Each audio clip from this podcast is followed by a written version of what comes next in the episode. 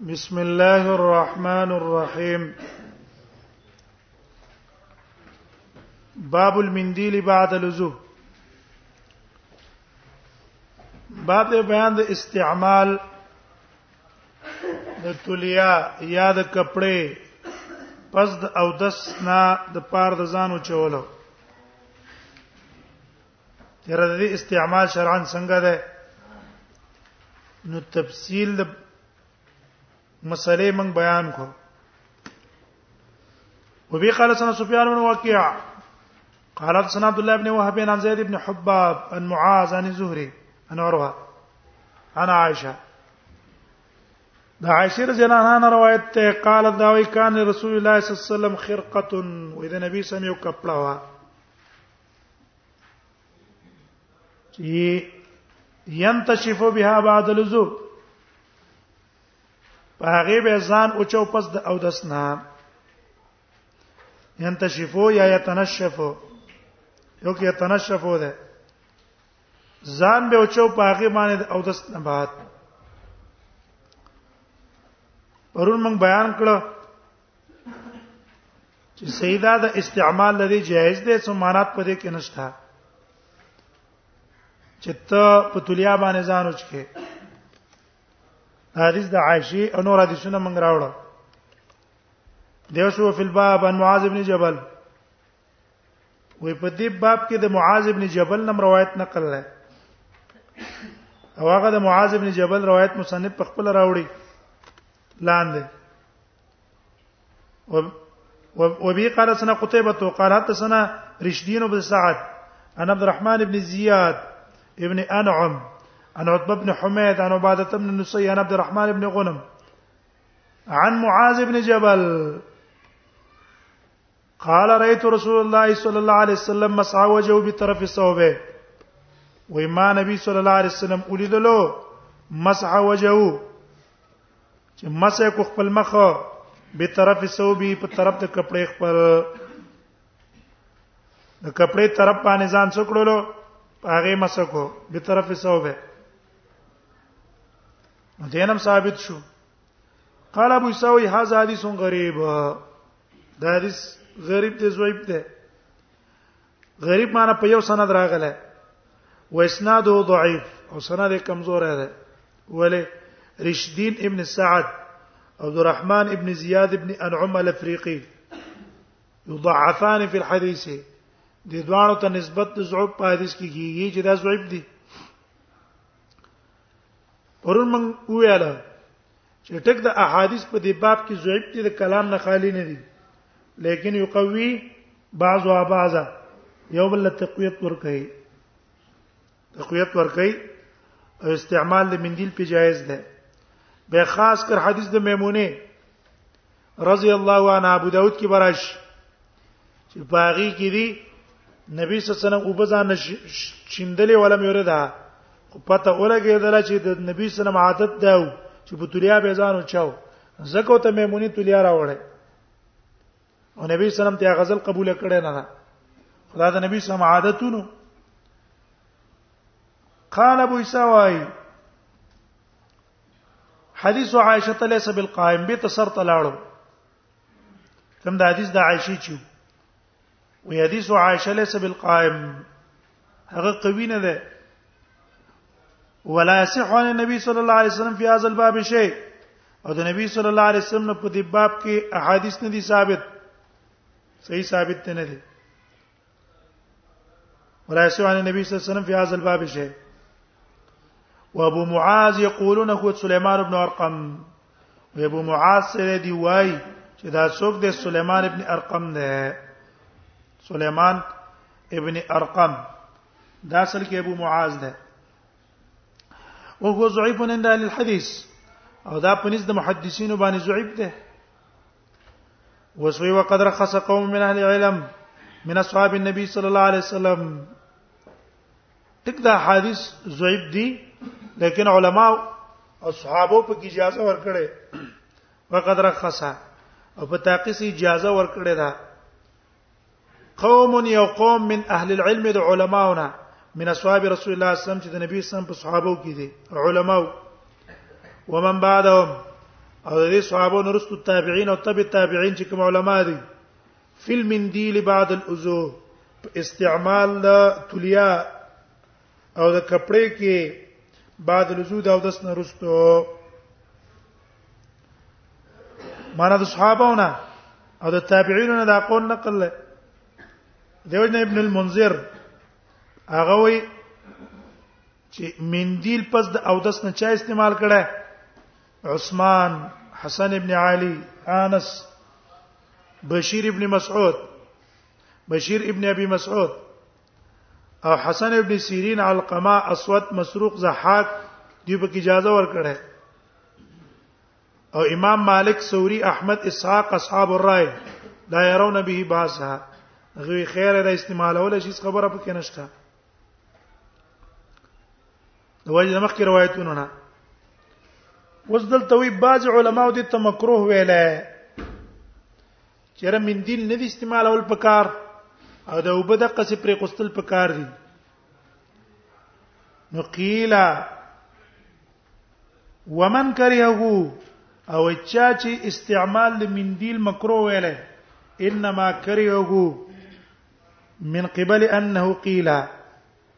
د دې وجنه چې خلق وای ان الوضوء یوزن و اذا اودس په قیامت پرستل لکېږي سمارا د وبد او داسه چې د انسان په بدن پاتې شي وي دي دا وبد د قیامت پرستات تل لکېږي چې تا په کپڑا باندې و چې کړې کپڑا باندې بیا به هغه وزن نه دا اوزي وزن بوزي په دیو جنا به استعماله وروي ذالک ان سعید المصیب والزهري او دا د دیونه نقل نه خدا اصل کې ګوره بنا د اصل کې په بل خبره هغه دا ده چې د قیامت پر ورځ باندې به کم شی تل لګي کوم شی به تلل کیږي اي انسان به تلل کیږي کله انسان اعمال به تلل کیږي او کله انسان عمل نامه به تلل کیږي اختلاف ته لیکن څوک اعمال وای اعمال په اعمالو کې دا خبرم ده ولې دا او دس او به استعمالول راجح دا ده چې دا او به نه دي دغه او به چې کم په او دس کې استعمال شي دا به تلل کی ځان له باقی الاعضاء نه دي دا به تر لګي نو ګور دا عمل شو روزه شو مون شو زکات شو دا عمل شو دا به تر لګي دویم قول دا دی چې صحیفه الاعمال به تر لګي دا حدیث د بتاقه د وجنه بتاقه روایت ده ټیک شو اعمالو کې اقوالم داخل دي کنه وان اعمال بني ادم واقوالهم توزن اقوال او اعمال تر لکی عمل شو دویم دا چې نه دا قول او دا فعل چې کوم صحیفه کې لیکل شوی دا به تر لکی ونزع الموازين القسط ليوم القيامه اب تر لکی او حدیث د بتاقی باندې استدلال نه ولا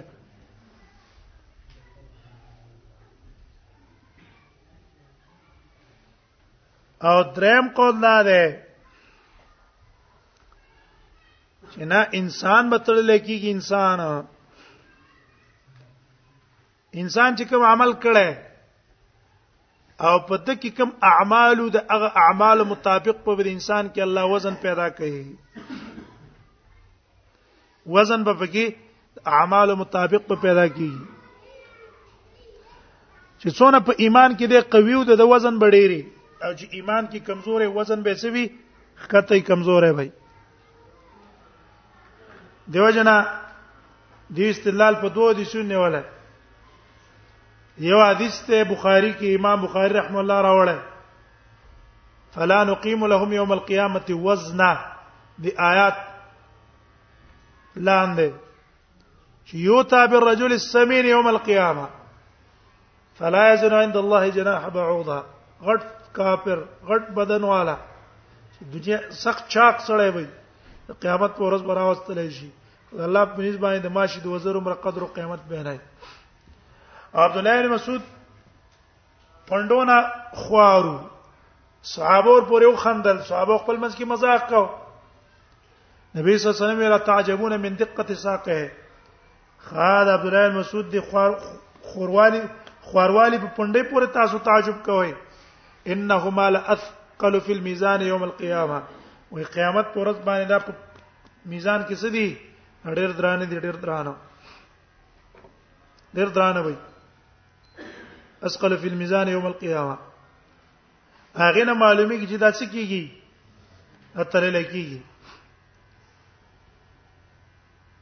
منګه وایو چې اعمال بم تل لکیږي انسان بم تل لکیږي او صحائف بم تل لکیږي یا د سنمس کې منافات نشته ولی اتماما للحجه په دې بنده باندې به الله پوره حجت قائمای راشه اول تا راشه عمل نامه دلو تلم عمل دلو تلم عمل به څنګه تلل کیږي یا به مصور کیږي او یا دا ده الله قادر ده په دې چې دا کیفیت هم سکی وزن لور کی کنه ابو تللیش ودې کته راشه به در چانس در کوم بل چانس در کوم راشه صحیفه دل تعلم صحیفه ولو تعالی لا ګور بدعمل دې درنې شوې نیک مولنت صحیفه دنستا راشه دریم چانس تعالی در کوم کې دې شي پکې بچي تا اوس تلم په تل کې تا کې څونه وزن ده نجاغه او کته فلایزن عند الله جناح بعوزه الله په فیصله پیو کې جو څه کوا جهنم ته بوزه نو چې کله فیصله په جهنم شي دا سړی به الله ته ظالم نه وي وقضي بينهم بالحق وقيل الحمد لله رب العالمين وقيل الحمد لله رب العالمين دا به ولې وای دا به دی وجه نه وای چې دا کافر بم وای چې الله ظالم نه ده موږ ظالمان التم سپک شوم دلتم سپک شوم دلتم سپک شوم یو چانس ما سپات نه شو یو چانس ما سپات نه شو ما ځان سره ظلم کړه او قضیه بینهم بالحق د باغې بنا ده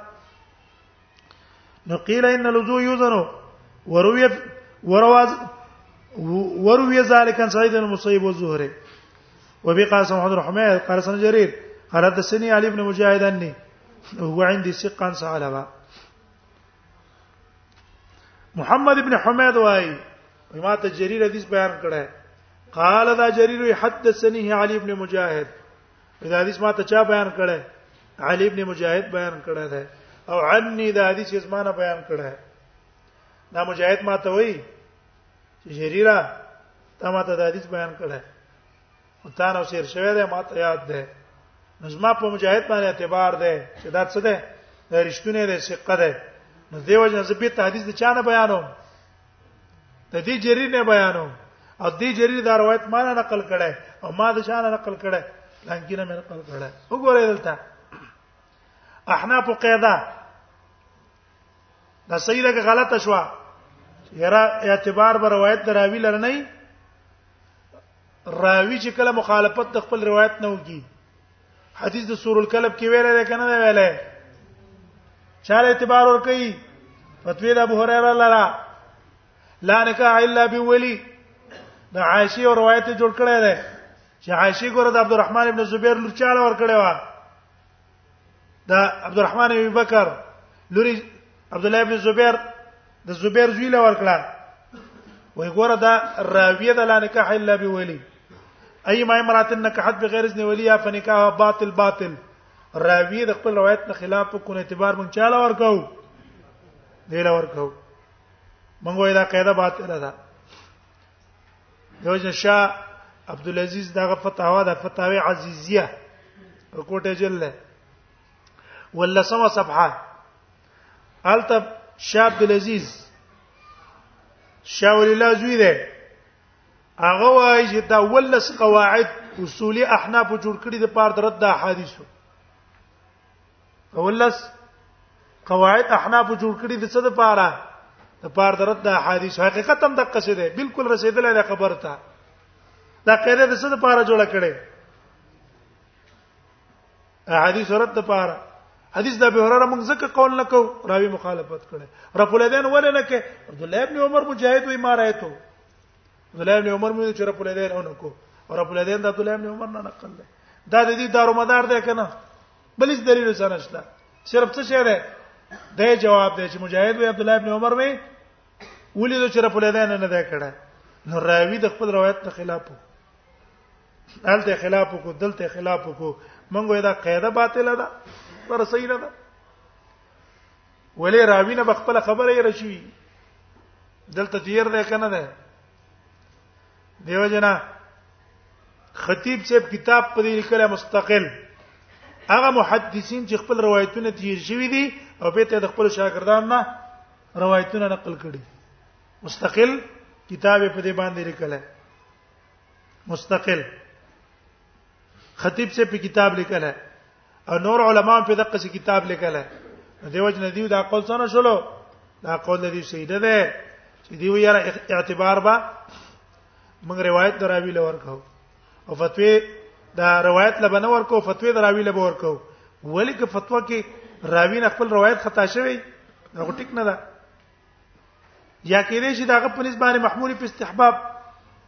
د صحیح نشولا حدثني فلان خطیب صاحب کتاب لیکل اخبار من حدث ونسي اخبار من حدث ونسيها دغه امام دار قطنی په کتاب لیکل نو دی وای چې معنا دا حدثني علي ابن مجاهد عني وهو عندي ثقه هم بیا غبل مسله د اصولي چې کله شاګرد را اولګي استاد باندې داو کی چې تا ما ته حدیث بیان کړه شاګرد کې توثیق کو خټی کړه د استاد کې توثیق کو ټیک ده او که استاد انکار کو چورلټ او د په خپل انکار کې جهازي مو چې ما ته دا سره بیان کړی نه ده نو په دې ټیم کې د روایت په اعتبار نه وښ وکنه یو خدای دې چې دوی چې ټول ټیک ته ما ته سیاده نه ده نو په دې وخت کې چې دا استاد سقو دا شاګرد سقو نو دا دغه لبه سي اعتبار وای لیکن که استاد جزمن انکار وکي جزمن ما سره دا نه بیان کړی دی او نه می اوریدل دی او نه ما چانه دا نقل کړی نه پدې کې بیا دا روایت کمزور دی خدا انکار د جرح په شاګرد باندې نه ګرځي د دې انکار د وجه موږ د سی بنه وایو چې دا شاګرد کذاب دی ولی استاد یې څه جوړ کړو دروغ یې جوړ کړو ولی پینې ګرځي وجه دا ده چې دلته د مکذب د استاد دی استاد د مکذب دی د چې په داو کې تا ما ته بیان کړه خو دې د استاد تکذیب کې چې ته انکار کې په انکار کې ته سي مکذب دروغ جنې او دا چې وای نه ته به د دعوه کې مکذبه نو دا جرح د معاصر د په معاصر باندې دا څنګه ده معتبر نه ده نه دی وجنه دا به صرف تزعیب په پدې حدیث کې شي لیکن په نور روایتونو کې د یو بل دا انکار د یو په بل باندې څنګه ګرځي دا سبب د زوب او د جرح نه ګرځي قال حدثني علي بن مجاهد عني وهو عندي ثقه عن ثعلبه او دا زما په نسبت باندې ثقه ده هغه روایت د ثعلبه نه نقل کړی ده عن الزهري قال او زهري واي انما اكره المنديل بعد الوضوء لان الوضوء يوزن زګه دا وبدا او تاسو يوزن دا وزن کیږي باو ما يقال بعد الوضوء